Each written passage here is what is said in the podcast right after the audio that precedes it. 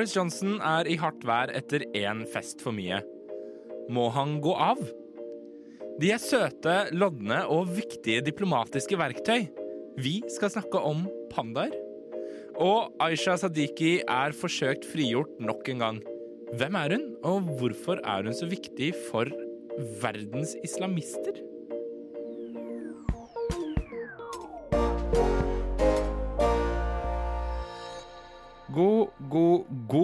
Jeg endrer på den der. Eh, Og velkommen til Opplysningen 99,3, Radio Novas samfunns- og aktualitetsmagasin, hvor du også skal få høre om republikanerne som nekter å stille til TV-debatter.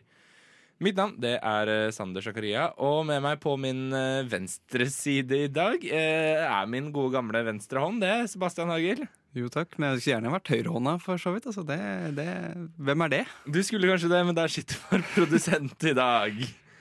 Eh, er, det noe, er det noe du alltid har lyst til å påpeke hver gang jeg ønsker god morgen i en sending som dette? Nei, altså Akkurat i dag så bare, så bare rynka jeg bryna litt pga. den god, mo- god, god, god, god, god eh, varianten. Men også eh, må det jo nevnes, da som vanlig, eh, må jeg si, at det er eh, kveld. Det er torsdag kveld, ikke Fra- fredag morgen. Torsdag kveld fra Majorstua, sier vi. På tørt, uh, gammelnorsk. Det er det, det er det, det er det. Vi tar opp denne sendingen torsdag. Klokken den har akkurat bikket åtte.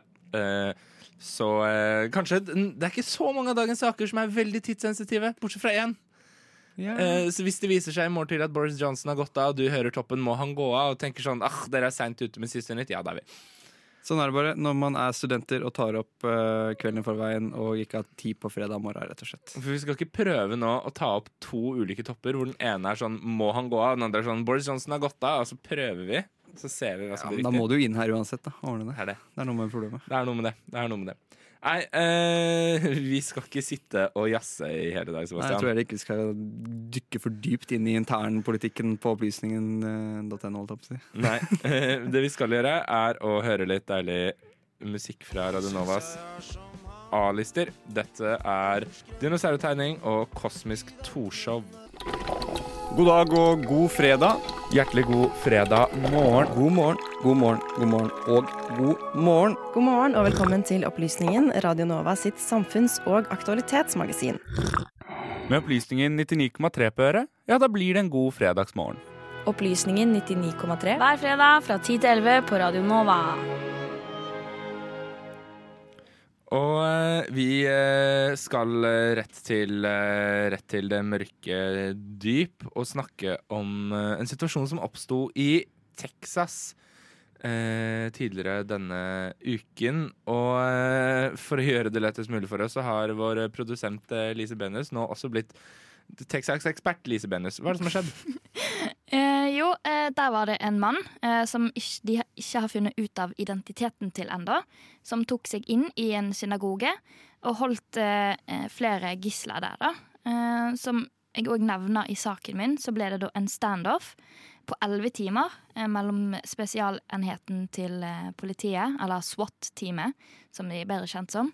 Så var det òg noen forhandlere der, da, fra FBI, som prøvde å forhandle med, med gisseltakeren, da. Men når man tar gisler, så er det ofte noen man vil frem til. Ja.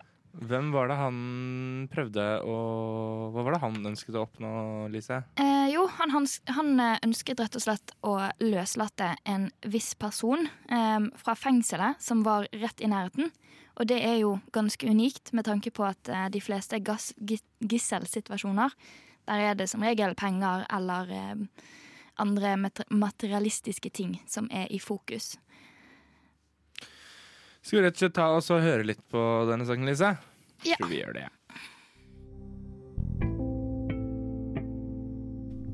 Den 16. januar 2021 i Colleyville, Texas, samlet lokale jøder seg i sin synagoge, Congregation Beth Israel. De var samlet for å ha sin ukentlige gudstjeneste, som de har valgt å streame pga. smittevernhensyn. Plutselig braser det inn en mann med gevær og tar flere besøkende som gissel. Det utarter seg en elleve timers lang standoff mellom denne mannen og spesialenheter fra politiet med forhandlere fra FBI på sitt lag.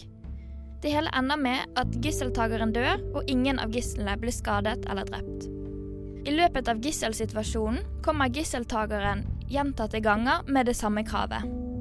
Aifa Sadiki skal bli løslatt fra det militære fengselet i Colleyville, Texas, som ligger rett i nærheten av synagogen. Men hvem er denne Aifa Sadiki? La meg forsøke å gi deg en kort oppsummering. Aifa vokste opp i en velstående familie i Pakistan. Hennes far var doktor, og fra 1991 til 2002 bodde hun i USA. Her studerte hun biologi ved Massachusetts Institute of Technology og opparbeidet en doktorgrad i nevrovitenskap fra universitetet Brandeis, et universitet like utenfor Boston. FBI påstår at under denne tiden i USA så tilegnet hun seg kunnskap om hvordan man håndterer og skyter våpen. Forskjellige kilder påstår at hun ble radikalisert etter 9-11-angrepet, og følte at hennes familie var truet om de fortsatt bosatte seg i USA. Aifa hadde på dette tidspunktet en sønn på fem og en datter på tre. Familien bestemte seg for å flytte til hjemlandet Pakistan, og hun forsvant fra radaren over en lengre periode. I 2002 fikk hun sitt tredje barn og begynte å gi barna hjemmeskole. I vinteren 2002 var hun òg tilbake i USA og søkte angivelig etter arbeid, noe som flere syntes var mistenkelig. Det ble senere avslørt at Aifa hadde opprettet en postboks for Majid Khan, som er anklaget for å støtte Al Qaida med materielle goder, slik at han tilsynelatende fikk en adresse i USA. FBI sier at Aifa på dette tidspunktet for alvor ble knyttet til den ekstremistiske islamske gruppen Al Qaida. Amerikanske og afghanske styrker ettersøkte henne som terrorist i året 2008. Aifa ble samme år arrestert under mistanke for å planlegge et angrep på guvernøren i Afghanistans Ghanzi-provinse.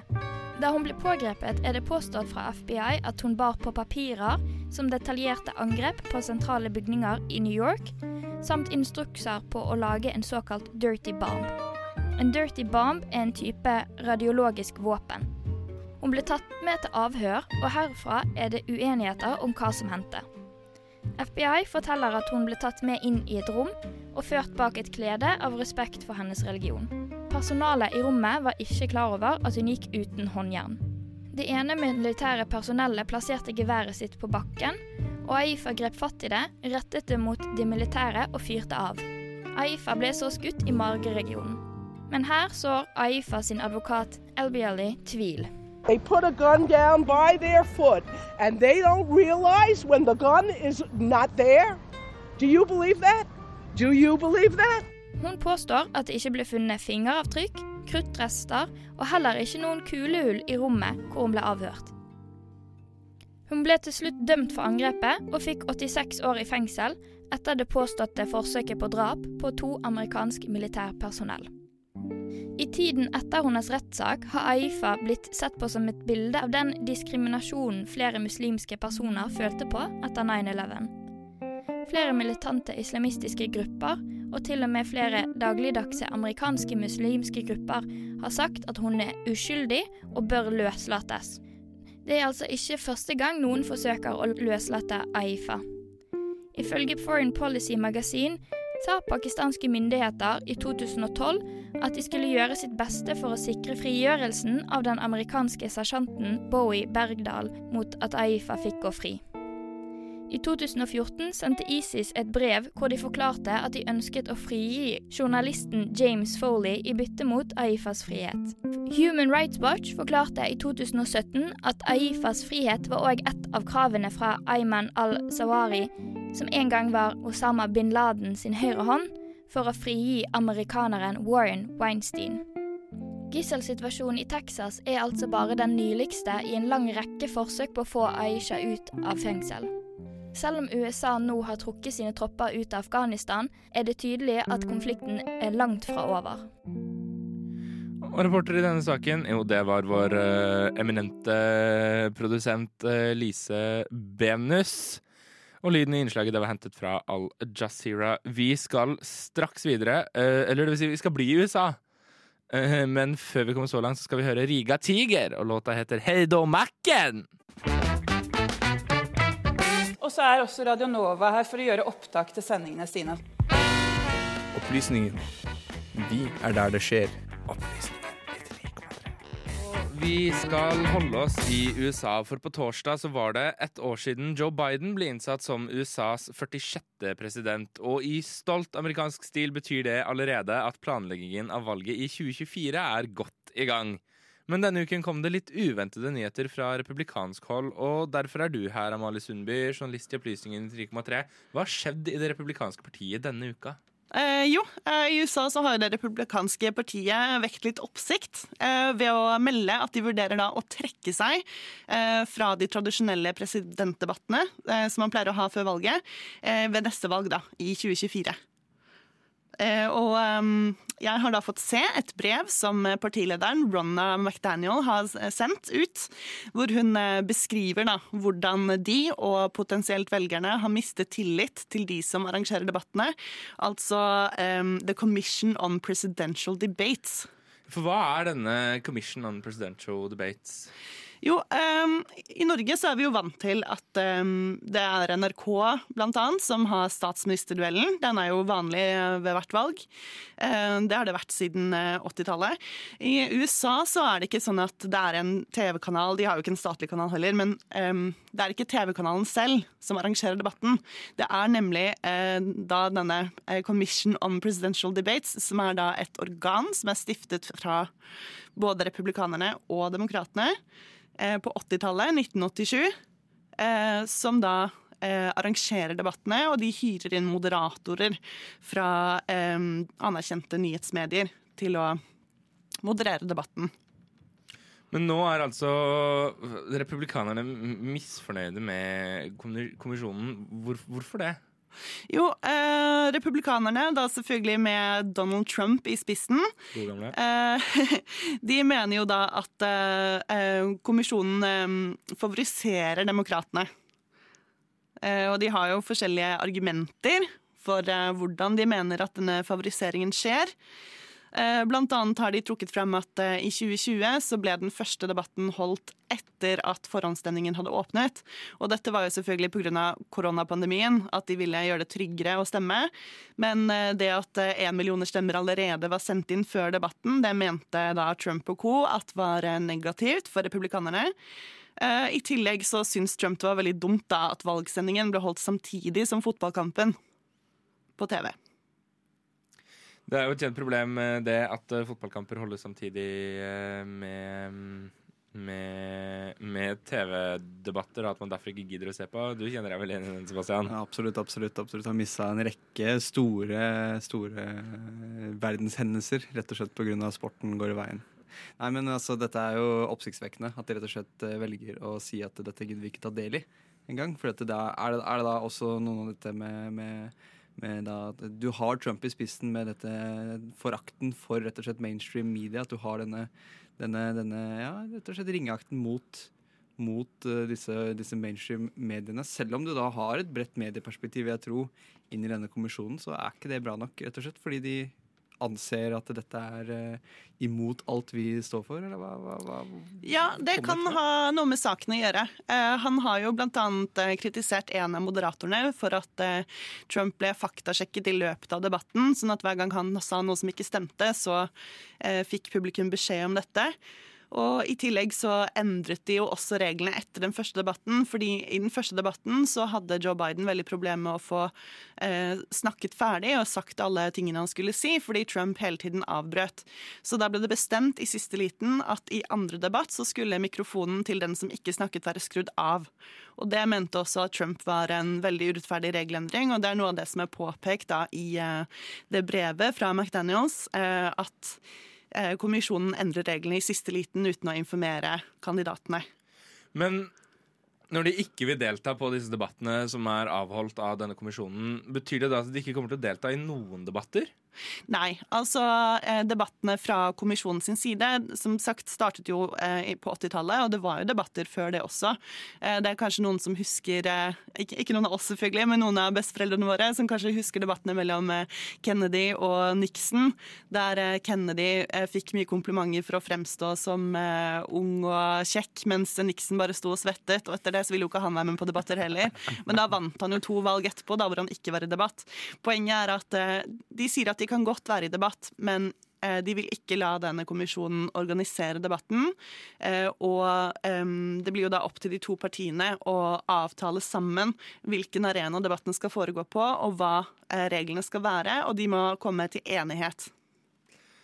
Eh, Amalie Sundby, tusen takk for at du gadd å lese deg på dette. For dette kjenner jeg at det, det hadde ikke jeg giddet. Hadde du giddet, Sebastian? Ja, dette syns jeg faktisk er litt interessant, så dette kunne jeg gjerne lest meg på. Altså, Amalie. dette, nå, nå, nå bringer du mye spennende til, til bordet her, og det takker jeg deg for. Takk, Nå fremstår jeg bare som uh, lat. Vi skal gå videre. Vi skal snakke, straks snakke litt grann om uh, Boris Johnson, som heller ikke har kommet så utrolig godt ut Det er veldig spennende. Veldig spennende. Veldig, veldig spennende. Men før det så skal vi få denne ferske slageren fra Radio Novas A-lister. Dette er Divest. Låta heter Speed of light.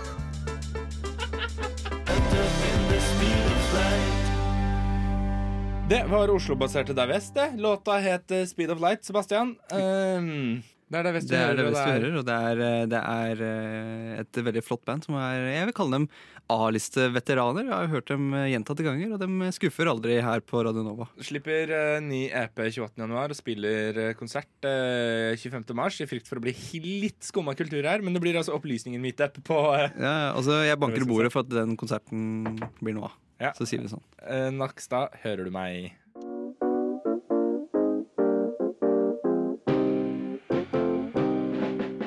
Hører på Radio Novas samfunns- og aktualitetsmagasin Opplysningen. Hver fredag fra klokken 10 til 11 på Radio Nova. Opplysningen på Radio Nova. Det blir fest når Divest spiller eh, den 25. mars. Det er den andre som har tatt seg en eh, liten fest for mye, Sebastian. Oh, det er aldri en fest for mye, bortsett fra når det heter Boris Johnson og det er korona-lockdown, og de inviterer absolutt alle Eller han har jo ikke invitert noen, da. Det er jo, ja. Mm. Eh, fordi Boris Johnson er jo da anklaget for å ha holdt flere fester under koronalockdownen i, på onsdag. Nå holdt jeg på å si i går, men det er i forgårs når du hører dette. Uh oh. Eh, så var det PMQs, eller Prime Minister's Questions, i, eh, i eh, Underhuset i Storbritannia. Mm. Og mon tro om en viss Boris Johnson fikk kjørt seg litt. Eh, Wendy Chamberlain fra Lib Dem hun oppsummerte egentlig alt Johnson har sagt den siste tiden, som Last year, we were told by the Prime Minister there were no Downing Street parties. Then it turned out there were parties, but we were assured that no rules were broken. Last week, we heard that rules may have been broken, but that he thought it was a work event. And now, yesterday, from the man who wrote the rules, it was, well, nobody told me what those rules were. Mr. Speaker, five weeks ago, the people of North Shropshire were clear, and the people of North East Fife are being clear to me now. No matter the excuse, there is no excuse for taking the British people for fools. Will the Prime Minister agree it's now time for him to resign? For det er det det ropes om i gangene i Westminster nå, om at Johnson bør gå av. Ja, for dette er jo, eh, for å si det sånn, dette er ambolten som brekker kamelens eh, rygg, for å bruke et litt, eh, litt norwenglish ordtak. Det er, det er ikke bra om dagen. Det er mye som, som kommer ut nå, og dette er jo bare, som jeg sier, en av flere skandaler som rett og slett plager Johnson i hans rolle som statsminister. Fordi at det var jo ikke bare Wendy Chamberlain fra Lib Dem som tok dette opp. Selvfølgelig hadde mm, også Johnson eh, Fikk Johnson noenlunde samme kritikken fra Fra sin største motstander, Keir Starmer, i Labour. Og da eh, svarte Johnson eh, dette. Well, uh, thank you, Mr. Speaker. Well, he talks about uh, the rules, and um, um, let me let me repeat what I said to uh, the honourable lady uh, uh, across the aisle uh, uh, earlier on. Of course, of course, Mr. Speaker, we must wait for the uh, we must wait for the outcome of the, of the inquiry. Folk er rett og slett sure nå på Johnson fordi han nekter å eh, be om eh, en eh, unnskyldning. Høres dette kjent ut, eller? Ja, det gjør jo det. Det er jo sånn det er. Det er jo, han nekter å be om unnskyldning. Han bare, han bare venter. Han bare, han bare tar, og, tar og rett og slett og, og, og drar det ut helt til han kan, så lenge han kan, rett og slett, denne Johnson. Fordi at nå roper de jo om at han skal eh, gå. Det er jo det de store debattene går i nå. Uh, det ble pff, mildt sagt uh, ikke noe særlig bedre da Christian Wang, Wakeford, en opprinnelig egentlig konservativt valgt MP, eller Member of Parliament som det heter, rett og slett valgte å cross the hall. Som vi kjenner veldig godt, så sitter jo da eh, opposisjonen på én side, og eh, posisjonen sitter på den andre siden av da House of Commons. Han valgte rett og slett å reise seg opp og gå over til Keir Starmer og kompisene. Tydeligere markering av misnøye skal du lete lenge etter. Altså. Det, det er ganske tydelig. Men vi trenger faktisk ikke å lete lenge for å finne en tydeligere For å finne en tydeligere misnøye. Fordi tidligere brexit-general Ja. David Davis Kall han gjerne det. Han, jo, eh, han var jo temmelig slapp, men det, det skal vi holde for oss selv. Men Han kom jo da også Han, han siterte litt uventet hold. Thank you, Mr. Speaker. Like many on these benches, I spent weeks and months defending the Prime Minister uh, against often angry constituents. I reminded them of his success in delivering Brexit and on the vaccine and many other things. But I expect my leaders to shoulder the responsibility for the actions they take. Yesterday, he did the opposite of that. So I'll remind him of a quotation altogether too familiar to him of Leo Amory to Neville Chamberlain. You have sat there too long for all the good you have done. In the name of God, go. Det er jo ikke akkurat de tonene du har lyst til å høre fra eget parti, Sebastian. Nei, altså å bli, å bli rett og slett eh, Eller at han drar fram navnet til Neville Chamberlain i det hele tatt, og sammenligner deg med han. Da er du ute å sykle, da er du ute å kjøre, og du er eh, på vei mot grøfta. Ikke minst fordi Neville Chamberlain, som vi kjenner, var eh, den åpenbare fienden til Boris Johnsons store, store idol Winston Churchill. Ja, og Han var rett og slett mannen som da lot Europa, eller lot eh, Hitler regjere i Europa i den perioden han gjorde, fram til da Churchill kom og tok ordet. Og det er jo da, som du sier, Churchill eh, Johnson rett og slett har basert, eh, om ikke sitt politiske liv, så kanskje hele livet sitt på rundt denne mannen. Fordi at Hvis vi på en måte nå skal prøve å koke dette ned litt da, til hva som har skjedd, eh, så eh, sier Johnson først eh, for et år siden, når det begynner å komme lekkasjer om at det kan ha vært da fester i hagene i Downing Street, sier han eh, det var ingen fester.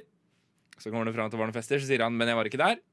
Så kommer det fram at han var der, og så sier han men de foregikk helt trygge innenfor koronarestriksjonene. Så kommer det fram at det ikke skjedde, og så sier han Uh, det var ingen som sa at jeg ikke burde være der. Og, og så uh, kommer det fram at jo, det er det noen som har gjort. Uh, og så sier han ja, men jeg visste ikke bedre.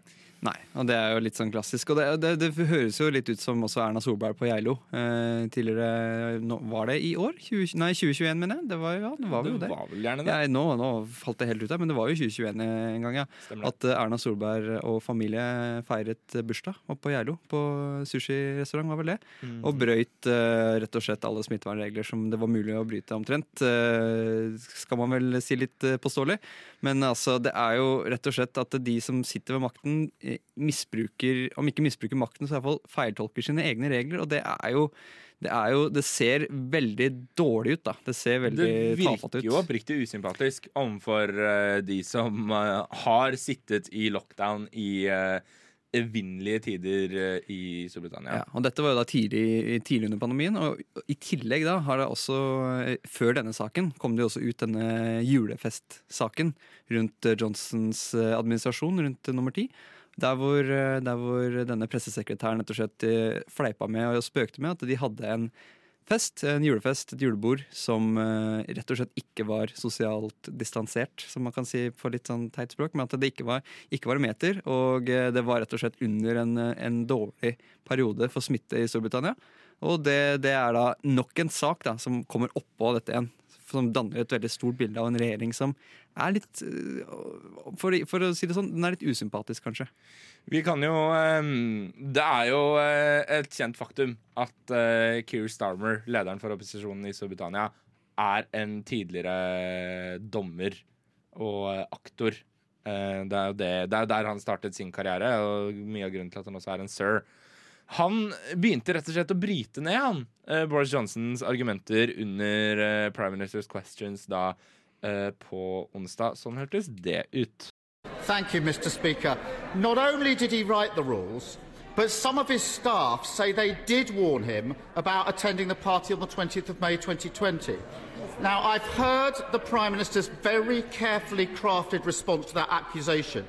It's almost sounds like a lawyer wrote it.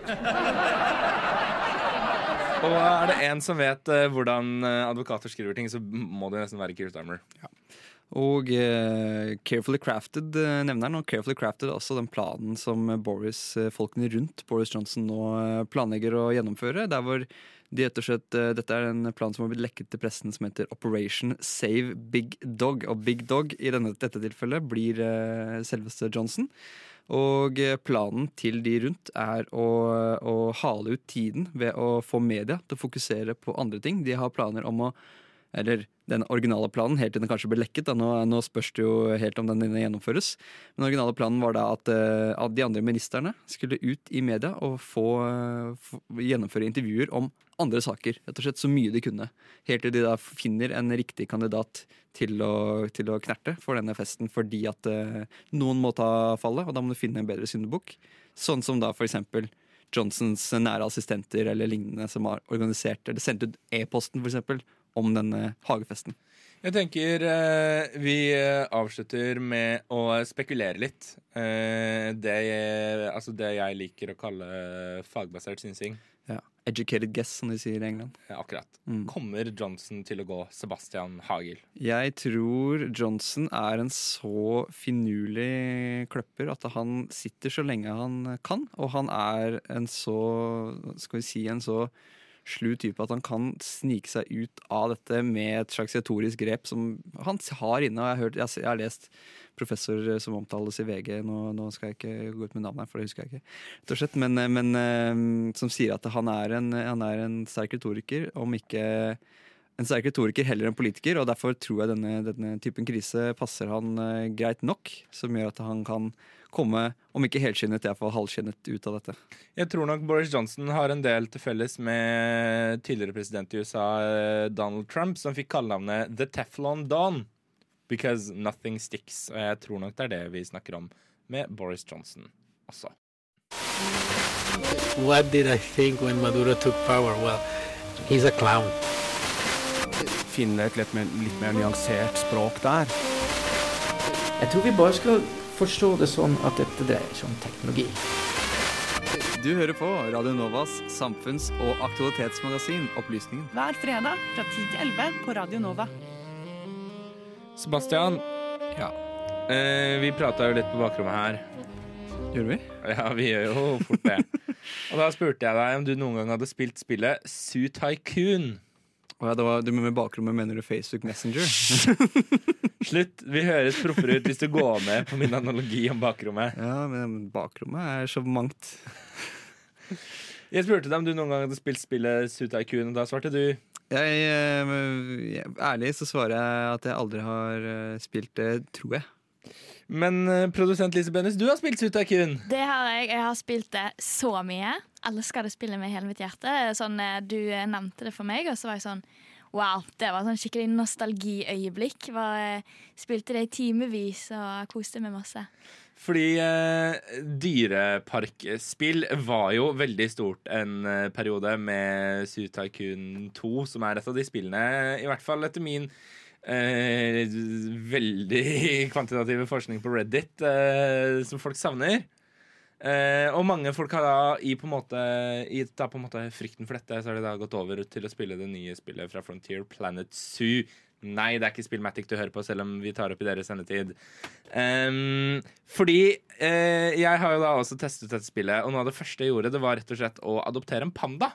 Ehm, men så uh, begynte jeg å uh, stusse litt, fordi det var liksom Sånne spill skal ofte være veldig realistiske, men det var noe som manglet. Jeg måtte ikke inngå en handelsavtale med Kina mm, angående uranium for å få denne pandaen. Og sitter du nå og tenker Hva er det du sitter og surrer med, radiomann? Jo, eh, hør litt etter her. Den 4. februar 2010 tok The Smithsonian National Zoo farvel med den fire og et halvt år gamle pandaen Tai Shan. Avskjeden med pandaen, født i Dyreparken i 2005, var tårevåt, men markerte også et vendepunkt i forholdet mellom USA og Kina. Pandaer er nemlig ikke bare søte bjørner, de er diplomatiske verktøy. Men før vi snakker om diplomatiske verktøy, må vi snakke litt mer om pandaen. For pandaen er også et viktig symbol. I tillegg til å være søte bjørner, har de blitt nærmest synonyme med dyrelivsvern. Pandaen finner vi igjen i logoen til World Wide Fund for Nature, eller WWF som vi kanskje kjenner dem best. WWF er verdens største organisasjon for miljøvern, og det er ikke helt irrelevant at de benytter seg av pandabjørnen i logoen. Det brukes nemlig mer penger, tid og krefter på å redde pandaen fra utryddelse enn noe annet dyr. Og hvorfor er det så viktig å verne pandaen? Vel, biologien har ikke akkurat lagt til rette for dyrets overlevelse. Har du sett et bilde av en panda noen gang, er det stor sannsynlighet for at den pandaen spiser. For pandaer, de spiser mye. Og selv om pandaen egentlig er kategorisert som en kjøtteter, spiser den hovedsakelig planter og nesten utelukkende bambus. Men fordi fordøyelsessystemet er tilpasset en kjøttpreget diett, sliter pandaen med å ta til seg næringsstoffene i maten, og den spiser derfor mellom 9 og 14 kilo bambus hver dag for å få i seg nødvendig næring. Tar vi inn i betraktning at store deler av pandaens naturlige habitat har vært offer for avskogning, blir det vanskelig for pandaen å få maten sin. I tillegg til dette er det utrolig vanskelig for pandaer å formere seg. Det er med andre ord ikke så lett å være panda. Ifølge tall fra 2013 levde det rundt 2200 pandaer i verden. Av disse levde nesten 400 i fangenskap, hvorav majoriteten levde ved ulike forskningssentre i Kina. Der forsøker de å pare pandaene for å sikre en stødig utvikling av antall individer, for så å slippe dem fri. Men mange av disse 400 pandaene lever også i dyreparker over hele verden. Og her kommer verdien deres som et diplomatisk verktøy inn i bildet. Vi skal snakke om pandadiplomati. Med unntak av to individer med bosted i Taiwan, er alle verdens pandaer eid av kinesiske myndigheter. Og pandaene vi finner i dyreparker over hele verden, er bare på utlån. Kineserne deler ikke ut nasjonalsymbolet sitt til hvem som helst. Det er nemlig ikke tilfeldig hvem som får låne en panda. Kinesiske myndigheter låner kun ut pandaer til land som på en eller annen måte gjennomfører handlinger som gagner Kina enten diplomatisk eller økonomisk. Det kan være land de har gode handelsavtaler med, som Belgia, land som gir dem viktige ressurser, som Australia, eller land som på andre måter anerkjenner kinesisk politikk på verdensscenen, sånn som Finland. Og det å ha en panda er ikke direkte billig. Ifølge rapporter fra amerikanske dyreparker betaler de en årsavgift på 1 million dollar per panda, og disse pengene brukes på pandaforskning. Men hva så med pandaunger født i fangenskap, slik som Taishan? Idet pandaen fyller fem måneder, er ungene å regne som kinesisk eiendom. Og Kina kan når som helst be om å få dyret tilbake. Dessuten stiller kineserne strenge krav til behandlingen pandaene får i dyreparken. Dersom en panda dør som resultat av en menneskelig feil, kan dette by på en bot til dyreparken på en halv million dollar. Nå tenker du kanskje hvorfor skulle man da ville risikere å ha en panda? Leien for dem er dyr. Dør de, blir det enda dyrere. Og matkostnadene på pandaer som spiser så mye bambus, er heller ikke akkurat lave. Fordelen kommer i det at pandaen tiltrekker seg besøkende som ingen annen. Da Edinburgh Zoo fikk sine pandaer i 2012, rapporterte de at besøkstallet økte med mer enn 200% Det er med andre ord ganske praktisk å ha en panda. Men hva så med Taishan, som ble hentet hjem fra Washington? Hvorfor ble han det? Dette er selvfølgelig usikkert, men det er spekulert i at dette hang sammen med at Barack Obama kun noen få måneder tidligere møtte Dalai Lama til stor kritikk fra kinesiske myndigheter. Men hva så med Tai Shans foreldre? Lever disse fortsatt i Dyreparken? Ja, det gjør de. Og det kommer av at Kinas låneavtaler har en varighet på ti år. Så per nå kan Smithsonian National Zoo fortelle oss at det er pandaer i Dyreparken fram til slutten av 2023. Hva som skjer etter det, det spørs på hvordan forholdet mellom USA og Kina utvikler seg i tiden fram til da. For pandaer er ikke bare maskotter for Kina selv og dyrevernsorganisasjoner. De er også viktige diplomater. Hører dere det, alle dere som lager dyreparkspill? Jeg vil gjerne inngå uh, handelsavtaler med uranium med Kina for å få pandaene mine. Men nok om det. Musikk, Nova, ja, det er det du skal få. Eckhart and The House, Come With Me.